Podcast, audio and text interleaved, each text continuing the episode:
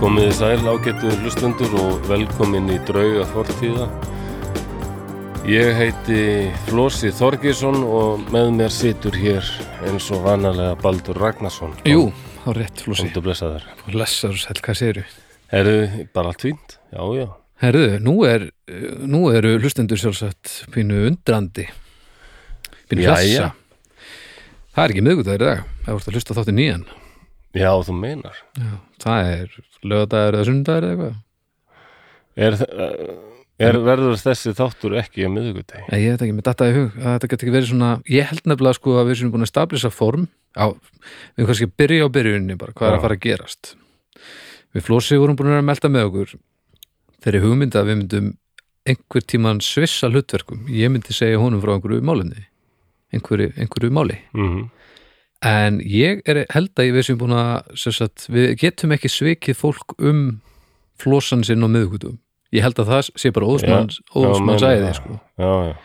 þannig að ég held að þegar þá sjaldan sem að ég eh, hendist í að búa eitthvað til og, og, og, og gera og græja svona, þá getur það kannski bara komið svona sem auka þáttur mjög óreglulega og sjaldan ef því er að skipta en fólk fá, fær samt flósan sinna miðgutum, er það ekki? Er það svo mikilvægt? Ég held það, ég held að ekki mátt ekki vann með þetta heyru til hans röddina minni núna og nennir ekki að hlusta á þetta endalust sko, en má ég heyra þína Já, hvað, hvað á þetta er ég að bara segja? eins og liggja í Ég heyri, ég Rjómabaði. bara heyri ekki m- mína rödd eins og aðrir heyra hann. nei, óöfinn af því Æ, að hún er heldur góð mín er ágætt sko en hún er samt svona Já, hún virkar mér sem bara mjög eðlileg rödd. Sko. Ég, já, hún er, hún er eðlilegri, það Já. er kannski mitt rétt líst sko, ég tek helst eftir því ef sumir eru alveg svona rimjandi bassar sko, já, eða eru með óvinnu svona háa. já og þú dílar ekki jafn vel við við þessar, þessa enda Ég minnst gaman að því að fólk þetta aldrei svona, með eitthvað svona sérkenni sko. já, Það er, já, já ég hef ekki mikið ser, svona sérkenn og minni rödd þannig, ég held að sé bara einhver talandi sko, en ég held að fólk þekki þína rödd á færi sko það getur verið. já. en hins vegar var ég mjög gladur að það kom upp hérna áður en við byrjuðum að taka upp ég var bara að gleyma því að þú ert með besta hæfileika í heimi Já. það er að geta sagt orð aftur og bakk eiginlega bara strax Já, þú varst að reyna að lesa eitthvað hérna áðan aftur og bara. já, því að við, hérna, Já, tókum, hérna sólstæð. við tókum mynd og þú veist í sólstafbólunum Já. og myndin var spegluð og ég byrjaði eitthvað að reyna að segja sólstafir aftur og bakk og ég var náttúrulega bara eins og bann en þá sagði þú það bara hvað, hvað, hvað er sólstafir aftur og bakk Rífat slós. og, og þú veist, ég veit maður kann það frá því að maður var bann Baldur er rullab Mm en Ragnarsson Norsrangar. þetta er svo geggjað Ég er nú orðin riðgæður í þessu en þetta er bara æfing. Þú sérð fyrir þér orðið í huganum og bara meðan þú sérð fyrir þér orðið í huganum þá lestu það lestu það bara oftar. Það er samt ekki, já, auðvitað er þetta svona auðvelt en ek- ekki samt, samt er það ekki svona auðvelt Mm, Rifast slós Rífat slós, já. Rifast slós, já, ég var allum núna var ég að horfa á þetta, ekki í huganum heldur á bólnuðinum Já, og ég var s- ég, næ- samt næstu ég búin að slasa mig já. Já, ef, ég, ef ég er með þetta fyrir fram að mig er þetta ekkert mál. en glussa tjekkur Glussa tjekkur. Já.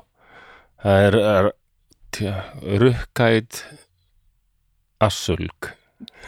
Rukkæt as- rukkæt assulg.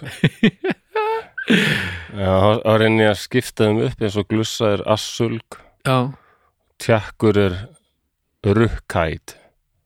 rukkætt ok, getum við Rukkæt. slaufaðurum getum við slaufaðurum Rukkætt helvist salg. þætti og bara gert þetta í klukkutíma og mólið þetta þetta gleður mér svo sillilega mikið Já, Ég man líka þetta- bara- Sumum finnst þetta satanist. Já, ég var líka bara svo varnarlöst þegar ég komst að þessu ég, við vorum, ég var fullur einhverju rútu og allt í hennu byrjaði þú að tala aftur og bakk og ég bara, hvað er að Já, gerast þetta ok. Þetta er eins og þegar ég og Óli Torfi vorum á Galapagos Já, og við vorum með hollensku pari um borð já, og hann spyr hvaðan þau eru, þau eru frá Hollandi þá byrjar hann að tala reyprjöndi hollensku ég er búin að þekkja það eilu, ég hef ekki hugmyndum að hann tala hollensku nei, ég vissi það ekki. þá bjóðum þar bara sem krakki í einhver ár Já, og ég held bara að ég var að fá heila blóðfall bara allakvort er ólega að tala hollensku eða það er eitthvað hræðilegt að gerast í höðunum mér já þetta er, ég kannast við það, þetta er aldrei skrítið að sjá Ógeðslega manneskju sem spes. hann hefur þekkt eitthvað Allt inn að fara að tala um annað tungumál. líka, þú veist, maður er svo ólík hvernig talar hann hollensku á þess að segja öllum að hann gera það, það Já, er svolítið úr karat neða, samt ekki, hann reynda kann hann er nú rosalega ekki margt. neitt braggart. Eh, Hvað er hann? Von- braggart, það er það, Já, alltaf þess að taggart nei, ég ætla að reyna að segja, sko, þetta er, Ma- ég skammast því en ennska orðið komið upp í, á undan því. Braggart. Já. Það er sem sagt, já, hérna, það er hana, Montani. montani. eða- Já. Já. ég held að vera að reyna að segja taggart Nei, djöfull er maður gamall þegar maður næri ekki að segja taggart, þá er fólki í flest já. Taggart, hvaðan kemur það? taggart, einnig lögregla Já, þessi skosku þættir hann. Ertu núna að þykjast ekki, er það þykjast vera svona yngri sálum en þú ert Hor- Hefur aldrei hort að takkart? Takkart Ég- er Rick man- Matlock Jú, ég man eftir, man eftir þessu sko. Það er svolítið fyndið að Taggart Derrick Matlock sem er svona eldri kynnslóðar þættirnir minn svona er eiginlega lögreglu hundurinn Rex, Já, nú, ok. það er hundurinn sko Já, en hann er náttúrulega að stór karakter vissulega en ekki jafn sko það hefur verið gott að fá Matlock samtíða Matlock sko, ég get nú farið lengra aftur og nefnt sko, Colombo og Columbo og MacLeod var sérstaklega, ég held upp á hann. McCloud hver á það? Hann var svona, hálfgeir svona kúriki sem var svona lögga. Já, svona, Mac... Með Mac, kúrika hann. Ah. svona MacGyver fílingur Já, samt svalari sko. ah, wow, Og Dennis Weaver sem leikann, Dennis Weaver var frópa leikari. okay. Ef þú séð Duel, fyrstu myndina Steven Spielberg þar sem hann leikur hérna Gauður á bíl sem lendir í því að, að truckdræfur á þjóðveginum í bandaríkjunum re, vill reynir að drepa hann Já, já, já, já, já, Mögnuð já. mynd. Alveg rétt, alveg rétt, já Alveg Ves, en það er Dennis Weaver ég þarf að teka því Já, eh, Hljóðkirkjan, núna að þetta er auka þáttur veist. þetta verður aukað þáttur sér Já, er það ekki? Jú, ég, allt ég, held í að, þetta- lagi. ég held að sé bara næsari að að- að- að hérna að dömpa svona einum bara, þetta verður mjög sjaldan hugsa ég en gaman að eiga þetta bara sem option En það er sem sagt þá á annarkvort á morgun eða hinn sem dómstæður kemur og svo við aftur á miðgudaginn Já, Hugsið ykkur, því líka veistla í eirun já, og svo snæpið tala við fólk á fyndag og, og svo besta platan það er bara hátíðardagskrá hjá hljóðkirkjunni við bara gefum og gefum draugar fortíðar Ó, og mikið oh, eh, eigum við ekki samt bara að fara að hefja leika eða?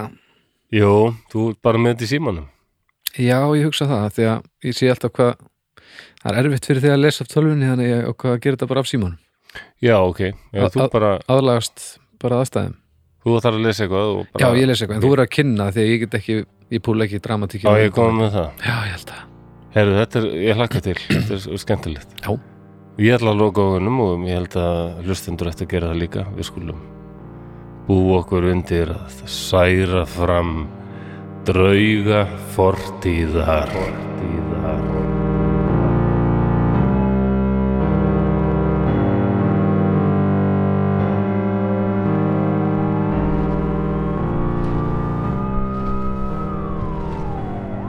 Það kom að því. Þeir hafa náð mér. Hérðan er engin undankomu um leið. Það hef ég aldrei áður upplifað. Ég hef alla tíð verið með lámark eina, tvær, þrjár, jafnvel fjórar undankomu leiðir út úr öllum aðstæðum. Alveg frá því ég var barn. En ekki núna. Þegar ég bjó með mömmu heim á Kamanóeyju í Vosendum fylki, gerði ég þetta bara vitið nöðsinn. Ég er ekki að segja að mamma hafi verið vond kona, en það er margt sem kemur upp í hugan sem hún hefði geta gert öðruvísi. Svo komst þetta setna bara upp í vana. Eftir nokkur ára af óvissu þá bara varði ég að finna leið út úr þessu glórulsi og það vildi svo til að hinn fullkomni staður blasti við mér allan þennan tíma, beint fyrir utan húsið okkar skóurinn.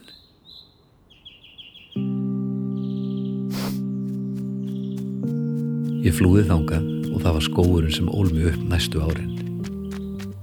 Það tók mig lígilega stuttan tíma að ná tökum á því að vera partur af skóginum. Að vera ekki lengur gestur, heldur partur af heldinni. Það er lustin. Næstu mánuði fór ég svo eins lítið út fyrir skógin og ég komst upp með. Bara rétt til að sækja mat og viðlegubúna. Já, hitt og þetta sem ég langaði í. Ég borgaði kannski aldrei fyrir neitt að því sem ég tók með beinhölum peningum. En mér fannst ég vera að borga fyrir þetta á minn hátt með því að láta þessa lögreglu bjálfa ringsnúast út um allan skó. Og ég sá ekki betur en að margir í samfélaginu veru sammála mér. Fólk gaf mér á endanum nafn og allt. Berfætti bandítinn. Skömmu síðar lagði ég á flóta og hef verið á hlaupum síðan. Ég hugsa að síðustu ár hef ég rent nokkur hundruð heimili og fyrirtæki. Ég hef stóli hjólum, bílum og bátum og þrátt fyrir það hafa þær aldrei náð mér, þó það hafi nú staði tæft nokkrum sinnum. Ekki einu sinni þegar ég náði loksins að uppfylla draumin minn sem hafi fyllt mér öll þessi ár. Að ræna flugvel og fljúinni. Ég hafði aldrei flogið flugvel áður og ég hafði ekki fengið neina hefmilna þjálfun en ég var búinn að lesa mér til og var líka búinn að fljúa innmitt þessari vél margóft í Microsoft Flight Simulator í stólunu fartölunum mínu. Cessna 182. Um leið og dagspyrtan let sjá sig kom ég henn á loft. Flugið var unaðslegt og þótt lendingin hafi verið aðeins harkalegni hefði kosið þá sá ég ekki eftir einni sekundu og það sama má segja um hinskiptin og lögreglan náði mér aldrei fyrir núna að koma að því ég átti nú ekki vonaði að standa fyrir framann lauruglulið 19 ára um borði í stólnum spýtbóti á Bahamas meðandi minni eigin byssu á hausin á mér en hér er ég og í þetta skiptið er engin undankomuleið og ég fer ekki tilbaka já Ég held ég klári þetta bara.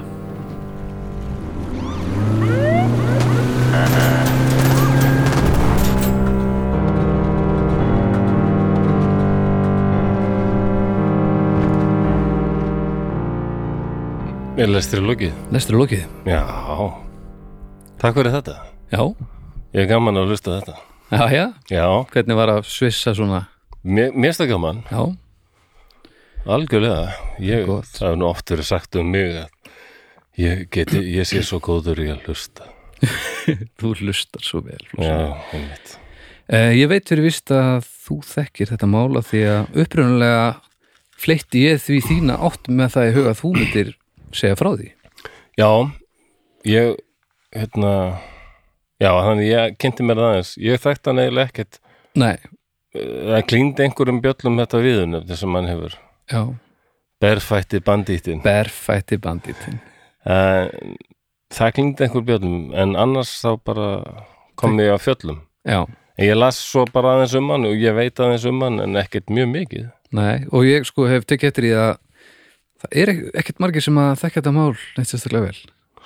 nei ok, og mér finnst það svo skrítið að því að mér finnst þetta svo ógeðislega áhugavert fyrir- og svona það eru nokkrar ástæða fyrir því kannski en varð hann ekki samt smá svona hetja í bandaríkjunum til dæmis Jú, nefnilega sko og þetta, þetta er það sem ég ætla að koma hérna að sinni ná þess að maður sem við umræðir það er Colton Harris Moore um, hann er kallaður á endanum Barefoot Bandit eða Berfætti Banditinn eða Teen Houdini var hann kallaður stundum í Hann var fjölmiðlum kallaður það Já, af því að hann hann var sérsagt einstaklega l- lunginn við að láta sér hverfa og hann er fættur 22. mars 1991 í Mount Vernon í norðvesturparti Washington ríkis en hann er alveg upp uh, á Kamano eigu í húsi á mömmu sinni sem hétt Pamela Kohler og þetta er eiga þarna bara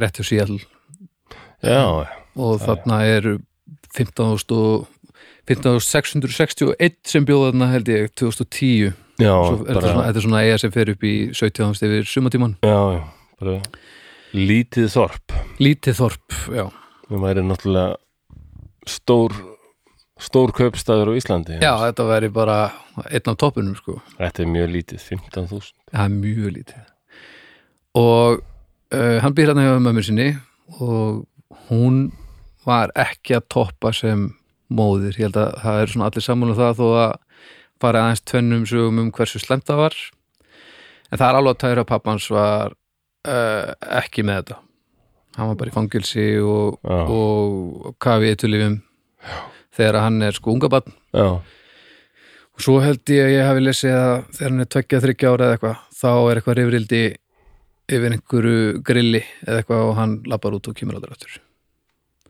þegar Colton er bara kornungur Já. það Þegar er, hann er það er bara- engin pappi grein hann er bara 23 ára og þá er hann bara horfin sko. það er engin pappi bara í hans lífi heila nei, svo ég sá einhverstaðar að hún, mammans talaði um einhvert fóstur pappa já, sem ég s- s- fann hvergi annar stað en hann á þá hafa dáið þegar hann er 7 ára þannig að ef það er einhver önnur föðurýmynd þá eru það bara hörmungar já, sínum ok mér var hún fíkild líka mamma hans já, hún var er alltaf að tala um sem alka sko og óbúðslega aggressív í orðið við hann talaði rosalega gr- grimt mál við hann og, og talaði mikið niður til hans og maður finnur svona hún hefur verið að gefa viðtöl í setni tíð og maður sér að það er ekki hún er ekki að keira alveg á öllum endlunum sko nei, nei, Um, en þetta er sem sagt er óbúslega erfiðar heimilisastæður og, og snemma fer hann að leita út í skógin við leiðan á. Hann bara fer að flýja ástandið og strax frá sjöuraldri þá er hann byrjaður að búa í skóginum í einhverja daga í senn. Hann hverfur í nokkra daga jafnvel í viku já, og náttúrulega samlega því að hann að vera í skóla og það, það kemur bersinlega í ljós í skólanum að hann er að ekki að mæta, hann er að hverfa í mitt dögum Já. og vikum saman eh, hann er mikið að slást og skemma hluti þarna og, og endanum er hann grindur með nokk, það er kokteill nú er það það er depression, það er, það er þitt uppáhald, já, það er ég- óindið ég get nú láð alveg skilið það með þessar heimilisastæður Ég held nefnilega að þetta, þetta á sér allt saman og ofta á þetta sér eðlilegar útskýringar.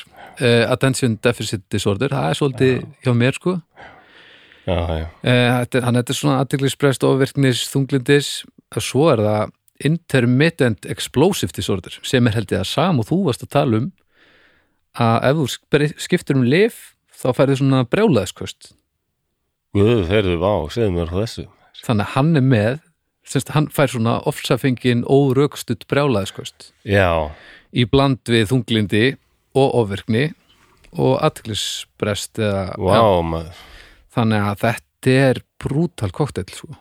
heldur betur en árið 2003 nú stökkum við yfir svolítið hann er, já, hann er sérst eigður bara miklum tíma þannig út í skói og, og læri svolítið vel á skóin og þekkir þetta svæði ofbúðslega vel Eh, 2003, þá er hann orðinn 12 ára og þá er hann endanlega dottinn út úr skóla um, það ár finnst stólin uh, vídeokamera mm í fórum hans og það er í fyrsta skipti sem hann er dæmdur fyrir, fyrir rán 12 ára gamall í bandaríkjunum dæmdur, hvað fekk hann, 40 ár eða? hann fekk, nei, ótrúlega til satt þá fekk hann nú bara uh, þetta voru yfirleitt bara svona samfélagsþjónusta Já, eða bara vika í, í hérna í- juvenile detention, ég var að leita Já. að íslenska orðinu við juvenile detention ég byrjaði að fara bara í Google Translate og það er unglingageimsla þannig að það er mjög gott úr hann var Já, bara já. settur í vikku í Unglingageymslu. unglingageimsluna einhver tíma var þetta kallað, þegar ég var krakki var þetta kallað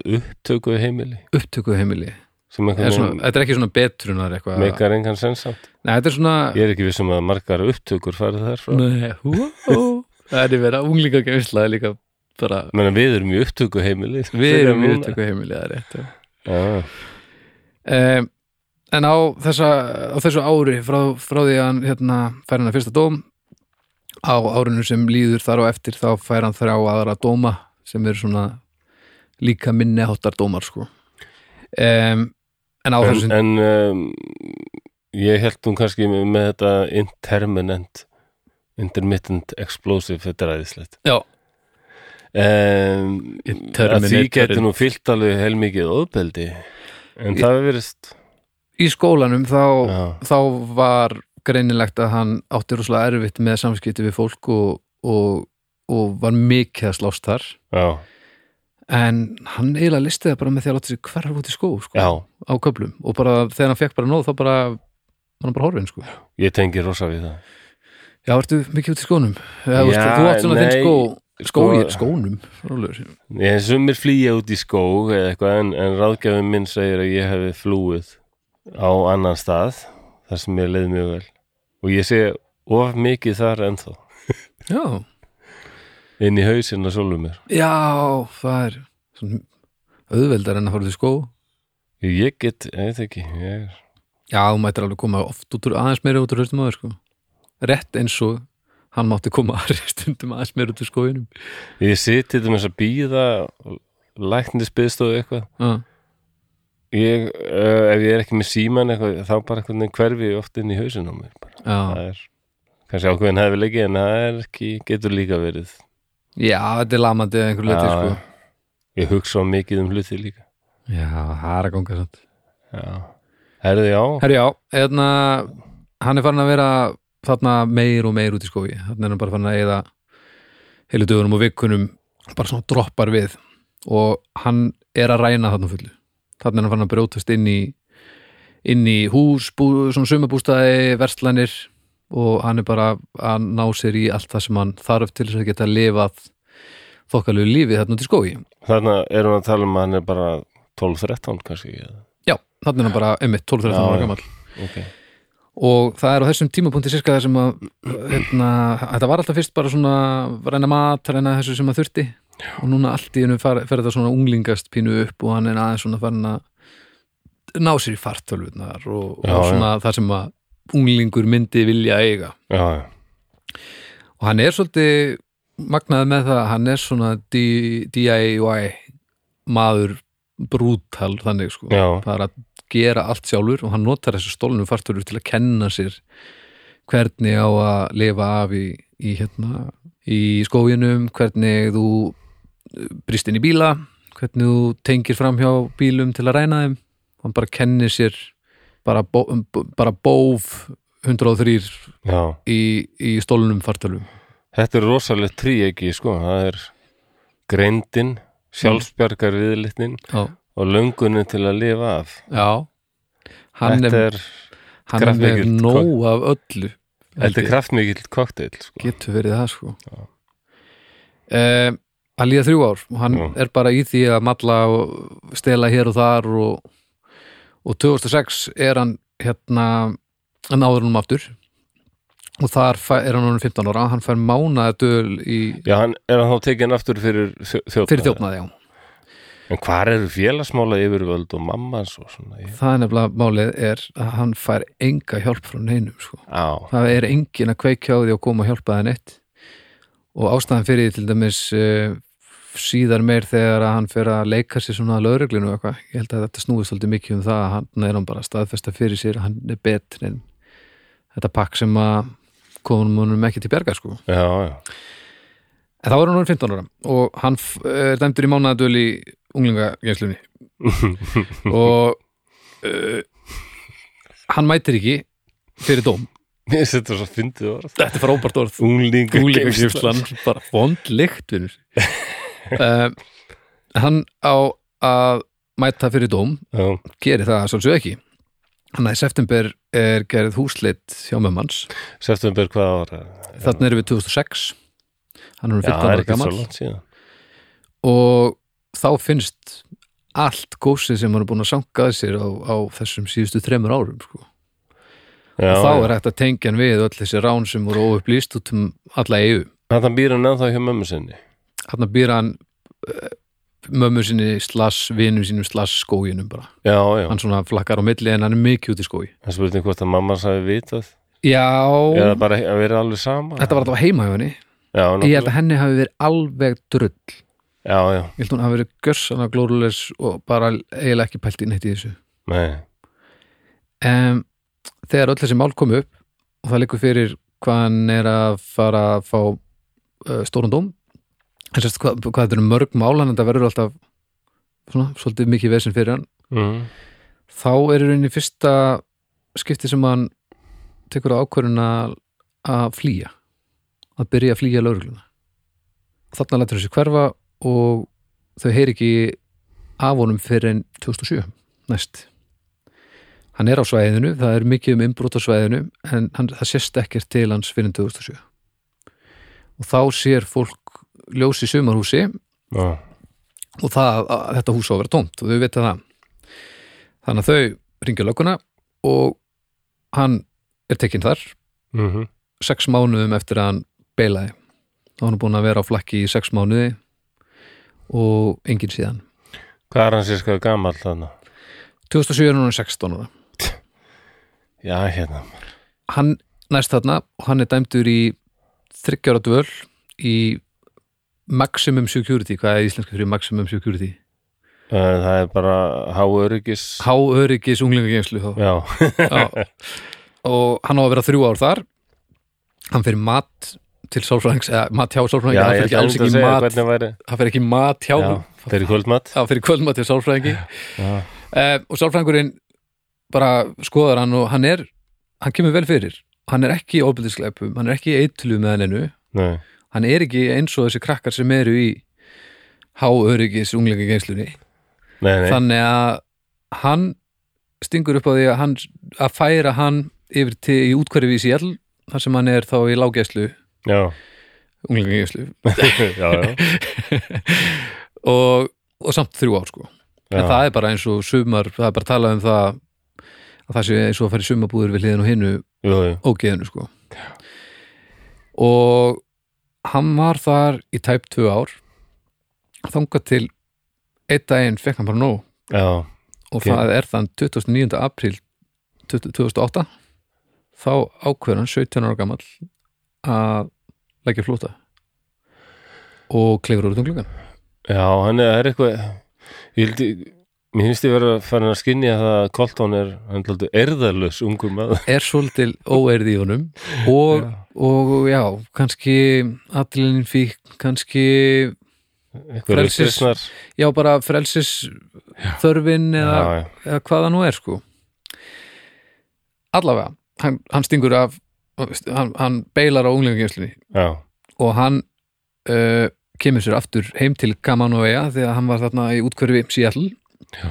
hann er ekki langt að fara en hann kemur sér þókað og hann bara tekur upp ráðin nákvæmlega samastað hann Ok. byrja bara að sanga þessi dóti þarna er hann farin að einblýna svolítið á kreditkort hjá fólki já, já, að ræna þeim og ég fann á einum stað, ég ætla nú bara að finna það sem snöggvast að bæta þið við hann átti sem sagt vin og ég held, ég fann ekki alveg tímasetninguna ég held Nei. að sé þarna þar sem hann er svolítið að vinna með öðrum náunga já, já, sem kallar sig svolítið mentorinn hans ok og það er strákur sem að uh, er aðeins eldri en hann, búin að vera í ránum ekkert svona, svolítið svona svona smá glæpa fílingur yfir honum, en þeir Já. verða svolítið vinir um, og þessi vinur hans er að leita reyðu fyrir, en það sem hann, uh, sá berfætti er að leita að það eru kreditkort og fartölur þannig að þeir eru báðir að fá eitthvað fyrir sinn snúð Já, út úr hverju ráni og þeir fara oft inn á heimili og ef það er einhver flottur sportbíl þá taka þær hann taka bíltúr, bara joyride koma svo tilbaka, skila bílnum fylla á tankin og bóna bílin áður en þeir fara, þannig að þeir vilja meina, sérst hann vil meina þessi vinnur hans að þeir hafi í rauninni ekki gert neitt af sér að því að þú- eina sem gerist var og græti næst bensín og þeir tóku rúndin sko Já, já, en síðan setna þá er búið að dæma þennan fyrir alls konar, hann er búin að vera í neyslu og Já. ránum og drasli en það sem er mikilvægast í þetta er hvað hann, er hvað hann heitir að því vinnur hans, hann heitir Harley Davidson Iron Wing nei Jú, hann heitir Harley Davidson Iron Wing Bara eins og- Iron Wing, sem sagt, Iron járnvæng- Wing, væng- Járnvængur Harley Davidson Járnvængur Nei, Jú. hann hétt sem sagt alltaf Harley svo var hann fluttur til fósturfjörskildu og þar var bara einhver bara, pá- bara Inga Iron Wing og hún ákvað að bæta Iron Wing aftan á, á Harleyð og ákvað að hendi millina sem var Davidson hann, hann heitir í alveg Harley Davidson Iron Wing vá maður það er Það er brútal sko. æðislegt, sko. en já, byrjum við, hver voru við? já, þeir, hann er hérna á fullu byrjaður að hérna uh, ræna kreditkortum fyrst og fremst hann er fyrir að nota kreditkort fólks til þess að panta hlut á netinu alls konar drast til þess að nota í, í skóginum bara þú veist, svona meis og alls konar búna og dótt sko. já, eh, tjöld og mat og hitt og þetta og það sást svakalega lítið hann var svo lungin við að láta þetta sér hverfa ok og hann er, svo það komið fram hann er þarna 1.96 á hæð já, a- ok, þetta er ekki já, þetta er ekki einhver svona lítill 17 ára strákur, þetta er hann er reisastór sko. en hann bara eitthvað, eitthvað einstakt lag á því að, að láta sér hverfa það er ótrúlega því að ég, maður tekur sjálfkrafa eftir há, hávarsnum mönnum ég, nefnilega og svona þetta mjög þýðir, stórum hávarsnum þetta fer, þýðir það bara ef hann fyrir bæinn þá er hann alltaf spottaður af einhverjum sko. já, ég meina 1.96 líki bandaríkjum er eitthvað miklu sjálfgæfar heldur en já, nokkulega ég held að við svona almennt sem við íslendingar dóldi hávarsnari, sko já, held yfir, hann hefði átt að gera þetta í Hollandi sko. meina, já, menn ég er 1.86 ert þú ekki 1.88 eða eitthvað svona nei, ég, nei, ég er bara 1.85 held ég nú, ég held að þú varir ég held að varum að söpum ég myndi að segja 1.86 og 1.85 en það er ekki svipað ég jú, aðeins söpum held að sleppi Já, og En- við erum bara já, já svona þokkilega Eh, Við erum hávaksnir sko, Já, yfir já. meðaleg Já. þannig að hann er risastór sko já, um, Hann fer að leita leða til þess að vera skilvirkar í ránum hann til þess brýst inn á uh, slökkustöðina í Gamano eigu og Mm. rænir þar svona infraröðri myndavél þannig að þá getur hann skoðað heimilað utan og séð hvort einhver er heima áður en hann brýst inn þannig að hann er bara að sankað sér búnaði til þess að verða sem skilvirkastur já, já. þreim mánuðum eftir að hann flýr þá uh, sérlagan 8. júli 2008 og þá var hann að keira á bíl sem hann var búin að stela og löggan veitur hann um eftirför og hann stekkur út úr bílnum á ferð og hverfur inn í skóin og bílinn endar inn í einhverju verslun hann er bara þarna þarna strax er hann bara byrjaður það er svo full, já, já, fullkomlega ótengdur eignum annar á allt um hann já. og nógu örugur með sér til þess að henda sér út úr bifrið og ferð og hann er bara horfin um leið og um leið hann er komin til skó þá á enginn sensi að finna hann. já hérna í bylnum finna, í þessum bíl finna Já. þér svolítið að góð segja því að hann, hann gleymdi einhverju dótið þegar hann var að henda sér út úr bílnum og ferð þar finna sem þér er nú yfirleitt mjög, mjög, mjög hættulegt sko. ég bara og af, yfirleitt afleitt hugmynd Já, ég þekki eitt sem þekktir einn sem nei, nei, hann er, hann er á lífi hann ákvað, ákvað að þetta væri þetta þyrfti að prófa sko ok, opnaði hurðina, bara hendi sér út sko. var eitthvað að rífast við aðraði bílum og það voru nú einhver efni í- já, já, Já, já, áfengi og eitthvað svona sem ég fá fíknirni eru ég duglega að breyta mönnum í fávita eins og áfengi, það er eiginlega alveg bara áfengi slærandi. tekur vestu, ekki, ekki bara góðar ákvæmur Nei og hérna já, já, hann bara hendi sér út og það, nei, nei, hann var náttúrulega, hann var alveg þrjár vikur á spítal held ég voru, Þeir voru ekki einu svona það miklum hraða, sko það Já, ég mun, jú, 70-80 kannski. er samt heldur mikið Já, þetta er eins og þarna á hraðbrutunum í Þískalandi hann fótborðan til dæmis hraðbraut illa og svona, líka minn fær hérna ósalt högg já, og svo aftur annað og annað og snýst sko Já, hendist yfir já, og það er já. bara, öð. já, það sem ég var að fara að segja á hraðbreytunum í Þískalandi, það var vandamál á tímabili þegar mátti keinis rætt og þú vildir móturulafólki, það kom síðan á inn á bensinstöð út búin að vera bara á 300 í klukkutíma þannig að hraðablindan er svo ógeðslega mikil að tilýður bara eins og sért stopp og út bara á 50, þannig að fólk var bara alltaf að henda sér af hjólunum sínum og bara rúla niður einhverja bensinstöða þegar held að vera stopp sko. sem er mjög fyndið en líka Í alvöru? ótrúlega pyrrandi vandamál svona ef maður er á planinu sko. já, Sko. sóp upp ykkur um anskotans mótrúlega ölum Hraða- allan daginn hraða blinda það er hraðablinda, er svo snild, snildarblinda að mörguleiti sko ótrúlega.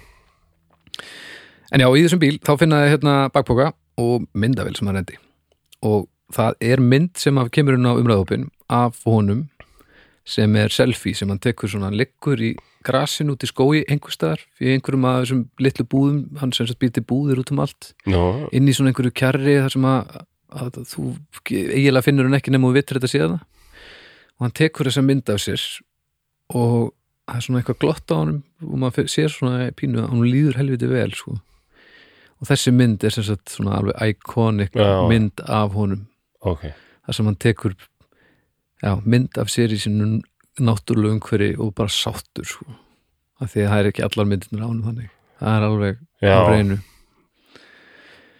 hann er að flýja þarna og lætur sig hverfa og sérst ekki út haustið 2008, þetta var í júli þegar hann stekkur út úr bílum hann er vantanlega verið eftirlýstur þarna, og- þannig er hann eftirlýstur og það eru hundar notaðir við leit já, ok og það eru mjög margir að leita og það finnst ekki neitt bara, þeir komu stundum svo litið nálætti að þeir sérst, fundu búðir já, en hann var ekki þar þau fundu einu sinni á einhverjum tímapunkti fundu þeir uh, komu við ránum óverum sko já, uh, fundu tjaldið hans og alveg slatta dóttu eitthvað en hann er alltaf horfinn sko og hefur hann eitthvað sagt setna hvað, hvort hann notaði eitthvað sérstaka aðferð eða, Mm, sko, hann virðist bara hafa verið á Varbergi stoppa stutt á hverjum stað og þetta var rosalega mikið þannig að hann þekkti allt svæðið eins og handabakið sko þannig að um Já, leið, já. Um, hann þekkti alla litlu stígana hann þekkti stígana sem lit ekki útröru stígar sem er ekki stígana um þú vitir að þeir eru stígar já,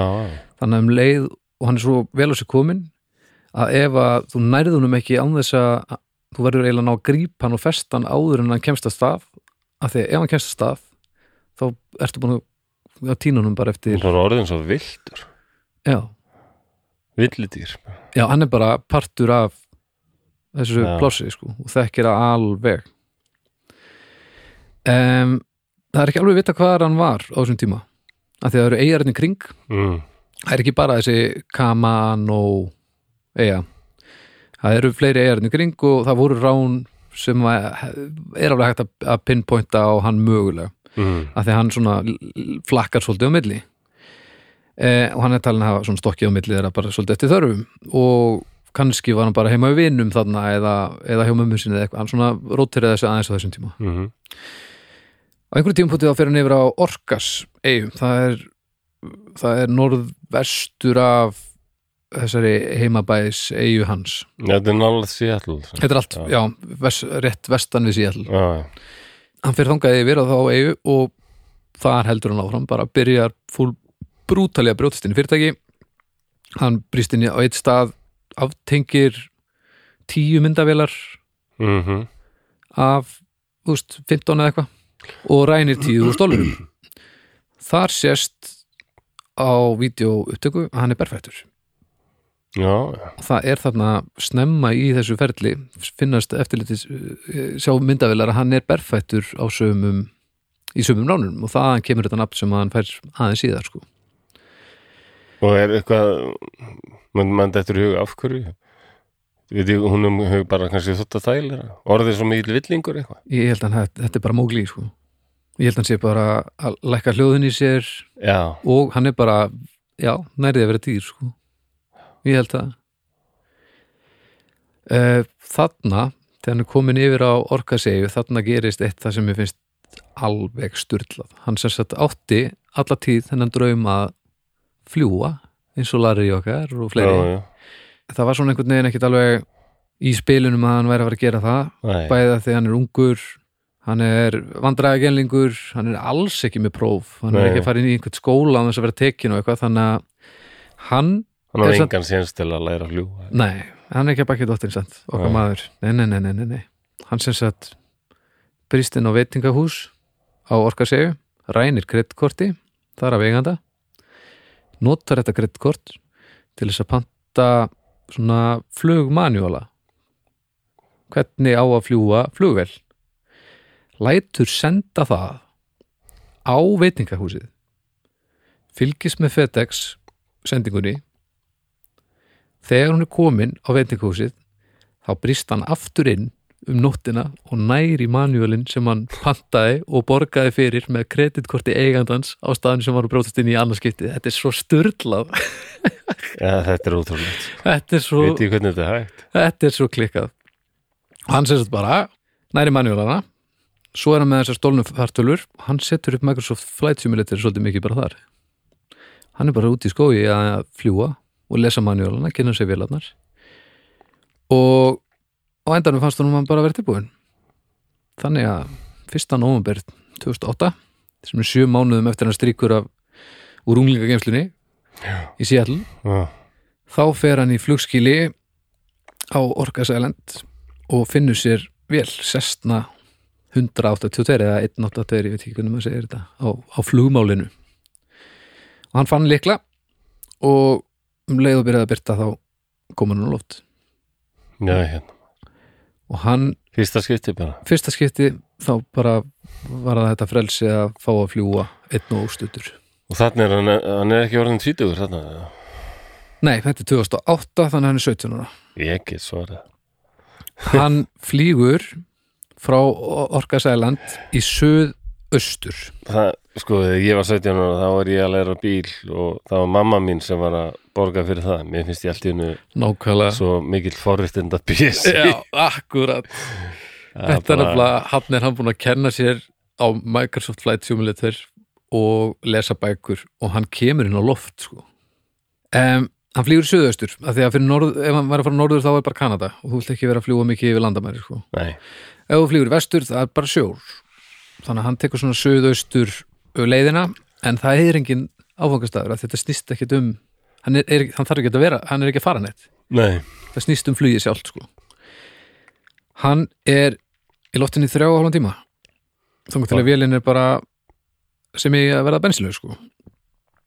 og hann vill ekki lenda á flugvillega því hann vill ekki vera tekinn þannig að hann sér hann alltaf Já, hættur þetta að lenda á flugullinum sem hann fór frá Já, og já, hann bara hugsaði bara sem svo ef hann lendir á flugvelli þá mun einhver e, það munu einhverir mæta og segja bara hvað ert þú að gera og við ætlum að handtaka þig og þá kemur í ljó- þú veist, þá byrja fyrir ferli í gang þannig að hann sér á endanum svona amer, amerískan frumbyggja svona reservation Já.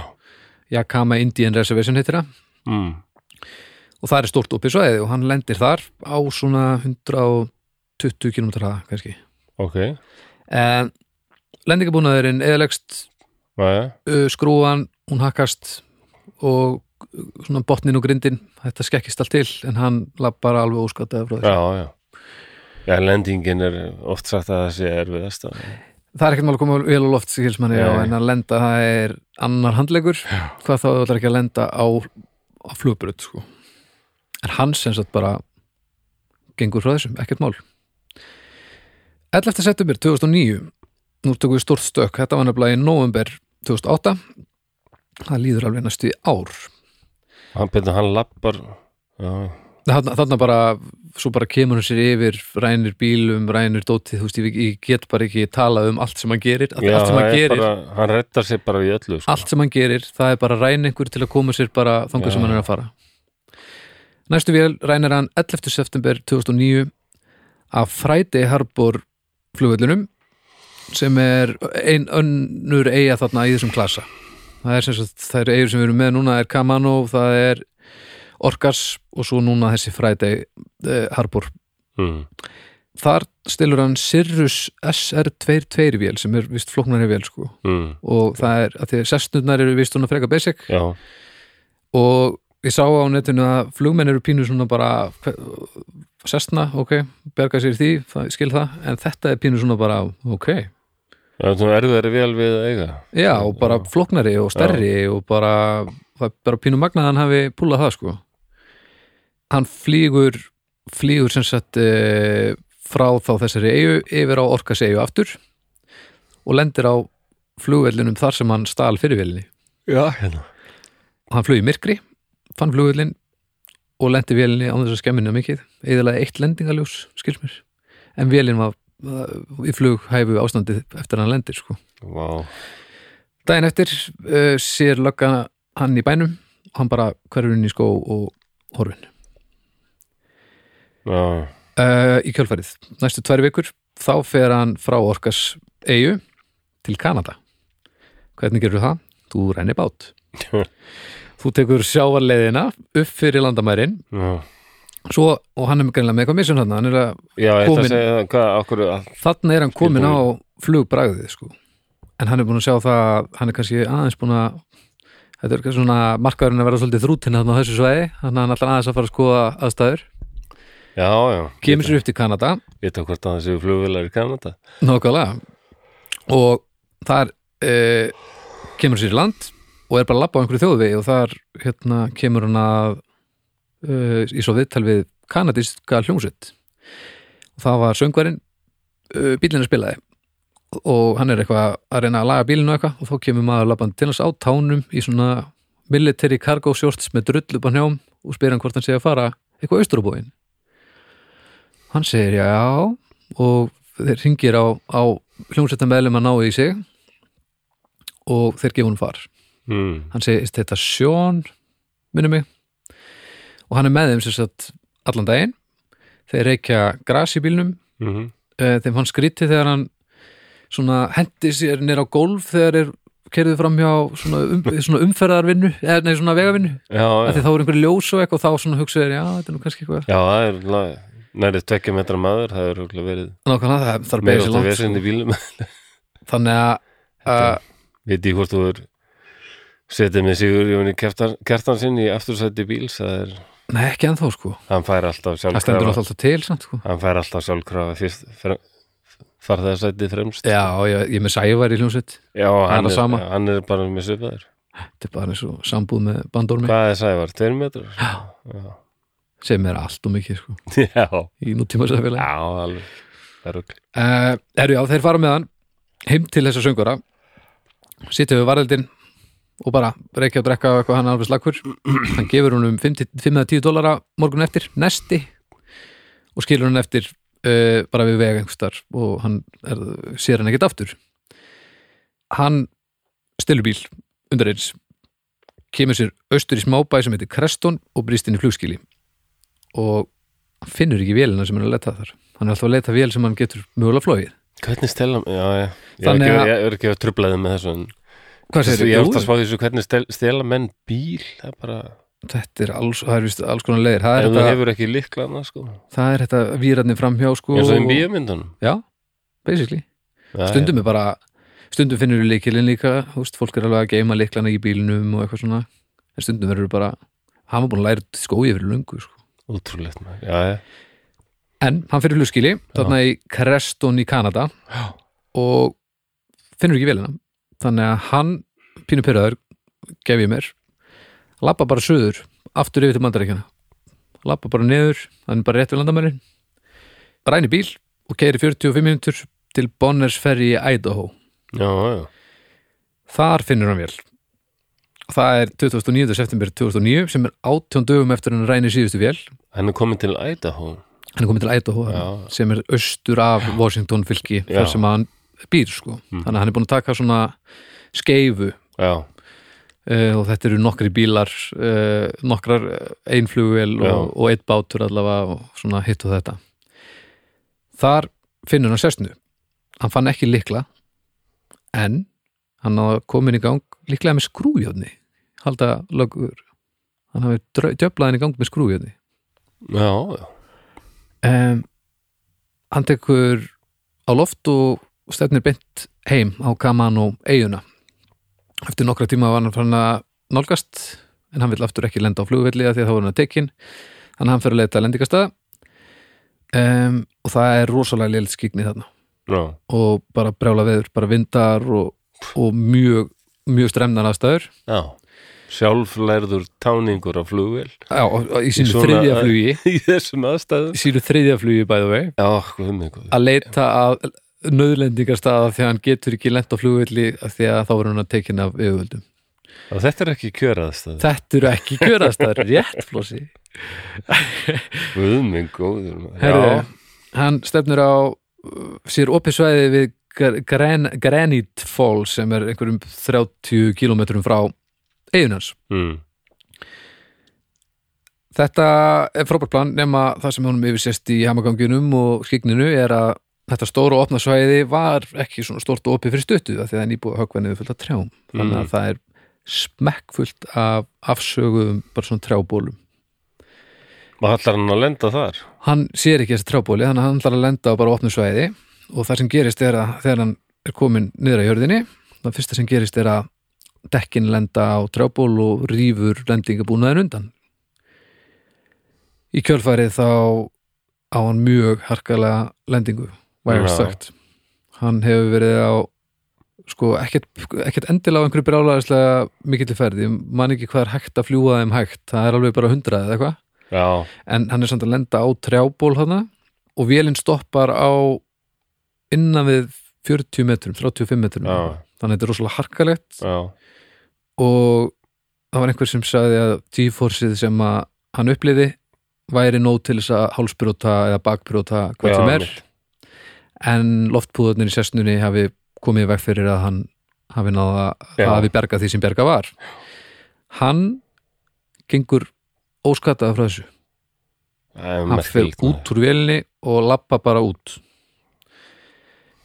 hann fer beint í að damage controla því að það er náttúrulega bara fólk sem sér að það er vél sem lendi þarna Hver hann beint í hvað? fer bara í damage control að retta sér mat Já, og já, eitthvað, já. þannig að hann fer bara beint í það sem hann þekkir sem er að brjótast inn í hús í nágruninu reynir það vegabrifum og mat fólkið sem kemur heim og sér að þessa luti vantar, ringir laurugluna neðalínuna og lögan mætir og þau standa svona fyrir utan húsið og þetta var vist svona frekar því eftir eitthvað slöktu ljósin og voru bara að hlusta heyrði eitthvað út í skógi og hundarnir settir að stað Mm. að leita að honum þau komu að honum komu honum á ofurum þannig Já, hann, hann á ekki vonaði að, að sjá þá en hann sleppur að sjálfsögðu hann sting, bara stekkur á stað en hann skilur upp tjald póka með 20 stólurum og það, þarna er hann sakkaður um að hafa skoti á laurugluna já, já, einu skoti og það er eina skipti sem að það kemur eitthvað upp í sambandi við uh, mögulegt ofbeldi í garð já hann veist Lögreglan. að forðast það útrúlega vel var kannski, og er ekkert kemur ekkert fram hvort þetta hafi bara verið skotið við loftið eða Nei, það heyrðist bara byssu kvellur og hann var með skambyssu, það var við það sko um, þannig að vera hrellað á eitthvað eða Já, það er erfitt að segja Nei, sko. nei, hann- maður gerir sér ekki alveg greið fyrir því En hann allavega lætur sér hverfa Þarna, hann næra stinga það af aftur og er bara horfin Í kjölfarið er sérsveitin kvöld út SWAT tím bara Það er bara SWAT og ein Black Hawk þyrla Býtu, þarna er hann orðin algjör svona fugitiv Þannig er hann orðin ansi eftirlýstur já Við vita geta tengt alveg röð innbróta og Já, þannig eru farnir að tengja þetta allt saman saman og þessi, þessi óbúslu faratækja þessi faratækja stöldur sko já, að allir bílarnir, rosalega margir bílar já. uh, bátur, fl- að, þú veist, þrjáflugular mhm. þetta var að safna svolítið saman þannig að nú er orðið svona aðeins, ef ekki að fara að ná, ná honum Jó, er einmitt. ekki, er ekki stemmar við ekki að ná krakkanum skilur við, já, neymitt, það er svo mikið almenningur sem verður fyrir barðun á þessu sko. þannig að nefnilega sko Þrýstingur á lö- lögguna og svona.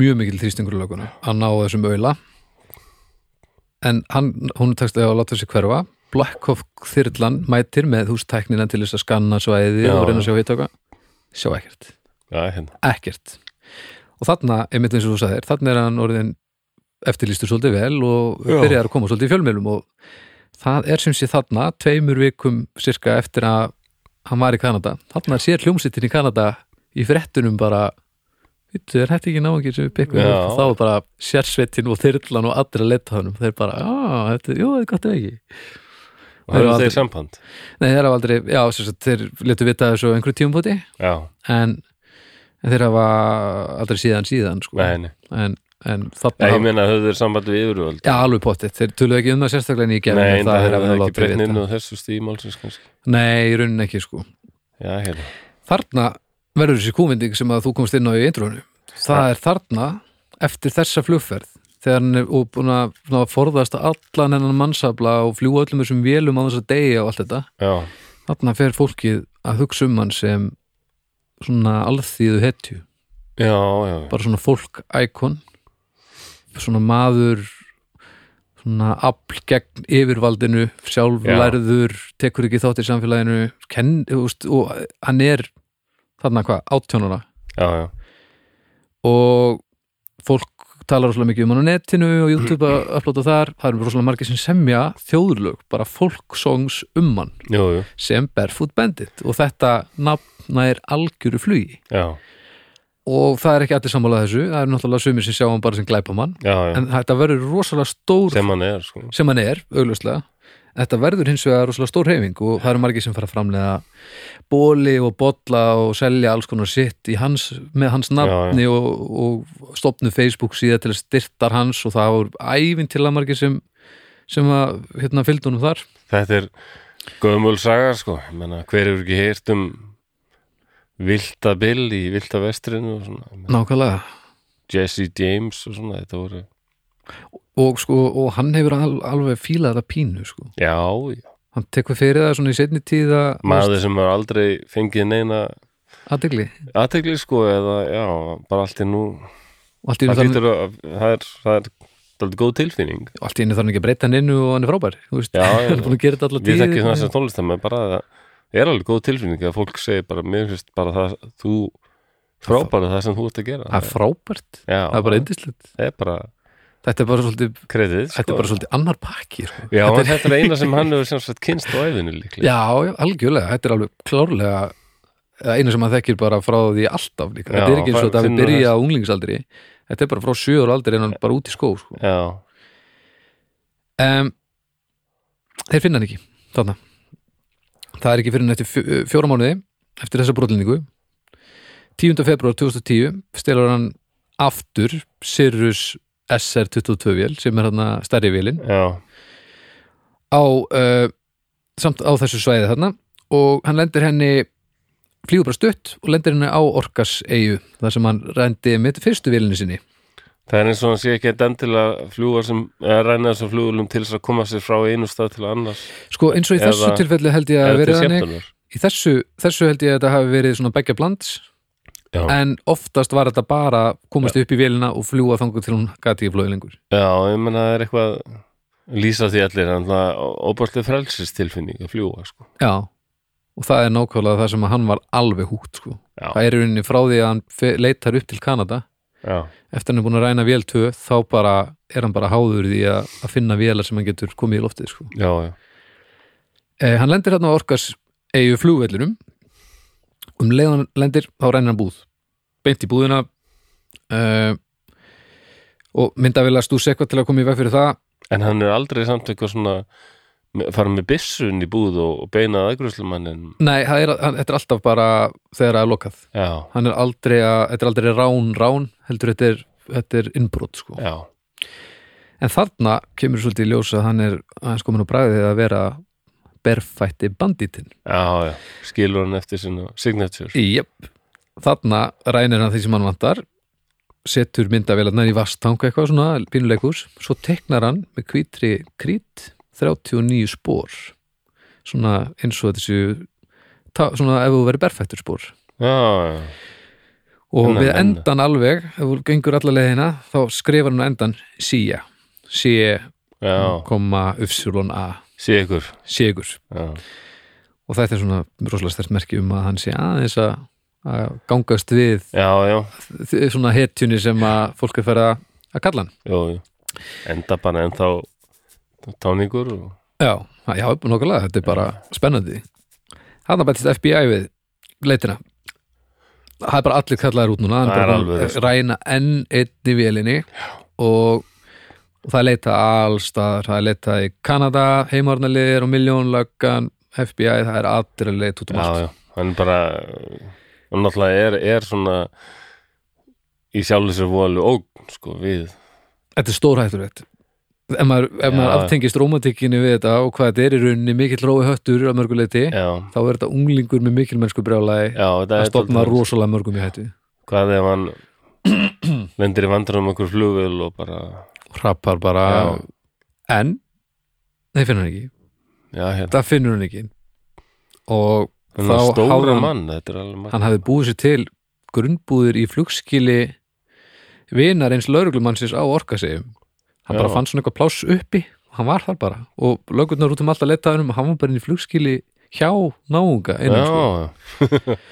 Eh, en hann var samt að ræna þetta í kring þannig er höfðu svona tilfíkunni að hann væri það og svo rænir hann uh, bíl, trökk sem hann ætlaði líklega talið að ræna einni vel úr flugskilinu en gerði það ekki, heldur rændi trökk konu þessa manns og einn lögreglumæðurinn giskar á hann er kannski að fara heim til þessa manns til þess að ringja símtöl, ringja í vini sína eða mömmu sína eða eitthvað Nú, ok. þannig að hann sér að trukkurinn er farin hann ringir út lið, bara herðu, hérna fariði heim til vinna míns, Já, hann gæti verið að koma að ringja og Já, svona já. planta svott liðum út í skóginum og eitthvað og þegar hann mætir að ringja, já, þá er bara svott bara sérsveit býður eftir hún minni inn í stofu já. hann opnar vist hún á hurðina, sér hvað er að gerast og hann er búin að loka áður en þeir í rauninni fatta að hann sé búin að sjá þá þá er hann horfin sko En, uh, hann, en Bara- náðist hann ekki? hann bara hleypur á stað nei, þið náðum ekki Hvað er klauðaskapur? hann kemur við a, a, í hænsnakoa hjá einhverju bóndabæ getur nokkur hávegg þetta er bara svona smá hliðarspor hérna Já, nei, já. hliðarspor, þe- þetta meikar senst að ég sé þetta eftir Já, af því að hann skilur eftir spor óvart í hænsna skýtnum já, þegar hann er að geta ekkin og það og einn löggan segir við konuna sem á bóndabæin þá var engin afsteipu á löpum og voru að gera eitthvað við þetta þannig hún tekur afsteipu af fótsporunum, lætur búið til eftirlíkingar beint á eBay settu ægilega háan verðstimpil á þetta þetta byrjaði að seljast svo, nei, svo byrjuðu líflátshótanir að koma til hennar jú, jú. fyrir að vera að gera honum kleift að haldi svo áfram eða eitthvað, Já. svona, eitthvað alls konar, þetta var gallsúrt allavega, hún Já, já, það er til í heimildamindar sem hún stendur svona með afsteipur af löppun og hún eitthvað bara, ég var bara eitthvað að flipa ógeðslega fyndi djöfus, þetta er algjörst rugl. heyrist ekki tróðan mér nokkra mánuði eh, hann er mögulega talin af hann hafi dáið í hamaganginum eða hann sé farin eitthvað annað mánudaginn 10. mæ 2010 þá byður mammans hann um að að láti sér heyra að því hún sé stressuð daginn eftir, þannig 11. mæ þá finnst svona spreyjað stórt fótspor á brú e, rétt hjá Já. bryggjunni e, við Orkas Island En ég er svo hrættur að grípa inn í þessi þú ert með ADHD og... allt í, nei, það, það ég er betri að, að halda utanum fyrir Já, vikið, já, sko, þannig að nei, þú mátt ég fór grípa. bara að hugsa um, ég veist þetta eitthvað sem magnað með þessa afsteipu sögu, þessum fótspor. já, Hún ákveði bara að græða á þessu og að hún skulle virkilega hafa getað það, sko. eins og með bólina og, og, og, Já, og bollana og það allt saman En ja, þetta, þetta er mér í huga þegar við höfum nú líka fjallað um hérna, BTK killer sko. Já. og það var hvert hver einasti hlutur sem, sem fannst hérna, f- í þessu húsi og svona já, það var þetta að selja það fyrir heilmikinn pening ég veit það þetta er nefnilega svo bara sko disk, einhver diskur úr borðbúnaði morðingjan sko, það er bara fólki til í að kaup hvað er þetta, oh, þetta er þessi styrlað þetta er þessi já, þetta er þessi voðaverka populismi eitthvað, já, og þá sem er nú- bara umulegt að sömulegt en alveg skiljanlegt að pínu skilur en ég myndi aldrei Já. kaupa afsteipu af þessu fótspori á einhverjar alvöru fjárhæðir bara af því að ég væri mér finnst þetta áhugavert en það eru bara rosalega margir sem er til í það þannig að þessi hænsnakona, hún er bara í stuði að búti pening Já, það er aðalega það, ég, ég skil það en ég Já. skil eiginlega ekki að þetta skulle vera sölu nei, nákvæmlega nei, ég er alveg samanlega því en, en við, við erum ekkert nýndi stuði til þess að ákveða það Nei, nei I guess you had to be there Nákvæmlega Já, hvað, þeir hljóta nú að fara að ná honum dreng stöðlanum Herru, þetta er ekki alveg búið, ég get alveg sattur það en þetta, þetta, þetta styttist uh, Hann spreyir þarna löpp á brúna til að láta mömmu sína vita og hann stelur uh, hann fyrir bát Já, fyrir hún til López, Eyja og það er að einir en öðrum og kemur sér aftur til Kamano uh, Eyjar sem er heimilið hans þar sem að mamma spýr og, og hann, hann er þaðan mm. fólk þar er orðið rosalega þreytt á því að þessi ekki búið að ná honum þau svona fá tilfinguna að hann gæti verið að koma tilbaka og það, þau eru ekki til í það þau eru ekki til í að fá þennan aumingi aftur til þess að byrja að stela, já hann er náttúrulega stela búinn að- hingað og þangað og sumir eru búin að lenda oftar en einu sinni í honum Já, fólk er bara ekki til í þetta og það, Kemur- þráttur að hann sé líklega frægasti sonur eigunar frá upphafi já, og sumir þarna alveg til í það, Já, nei, nei, en skiljanlegt það mæta hausa við þar núna út í kaman og eigu ætla bara að hafa upp á honum Já, já, og- það mæta bara menn sem vinna við það að hafa upp á fólki já, það er nefnilega alveg merkilegt, það er alveg bara business sem þrýfst í bandaríkjunum Já, og bara og svona af hetjan, af fólk hetjan tala bara um hann sem glæpamann og tala bara um að, að þeim finnst bara mörgum að hann sé réttræpur sko, það er bara kálunum Já, ok og hann svona fer eitthvað veður að þessu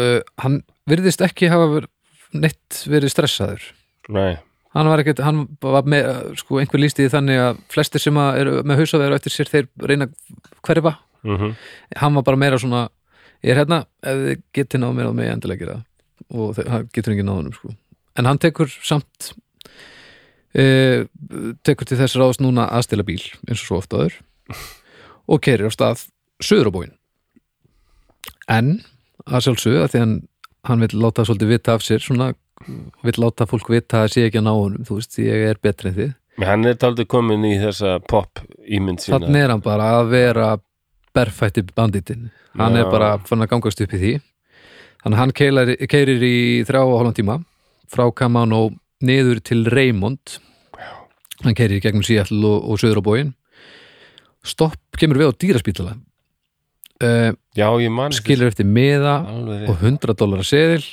og meðanum stendur drove by, had some extra cash please use this money for the care of animals undirritað Colton Harris Moore aka The Barefoot Bandit og þetta er bara til að láta vita að hann hafa verið á sveðinu Já, já, og nota nafnið og þetta er bara þetta er svona já, yfirlýsing já, þetta er það Þetta er algjör eh, Þetta er taldið briljant Hann keirir nýra sjó, rænir spýtbát, fer til Oregon.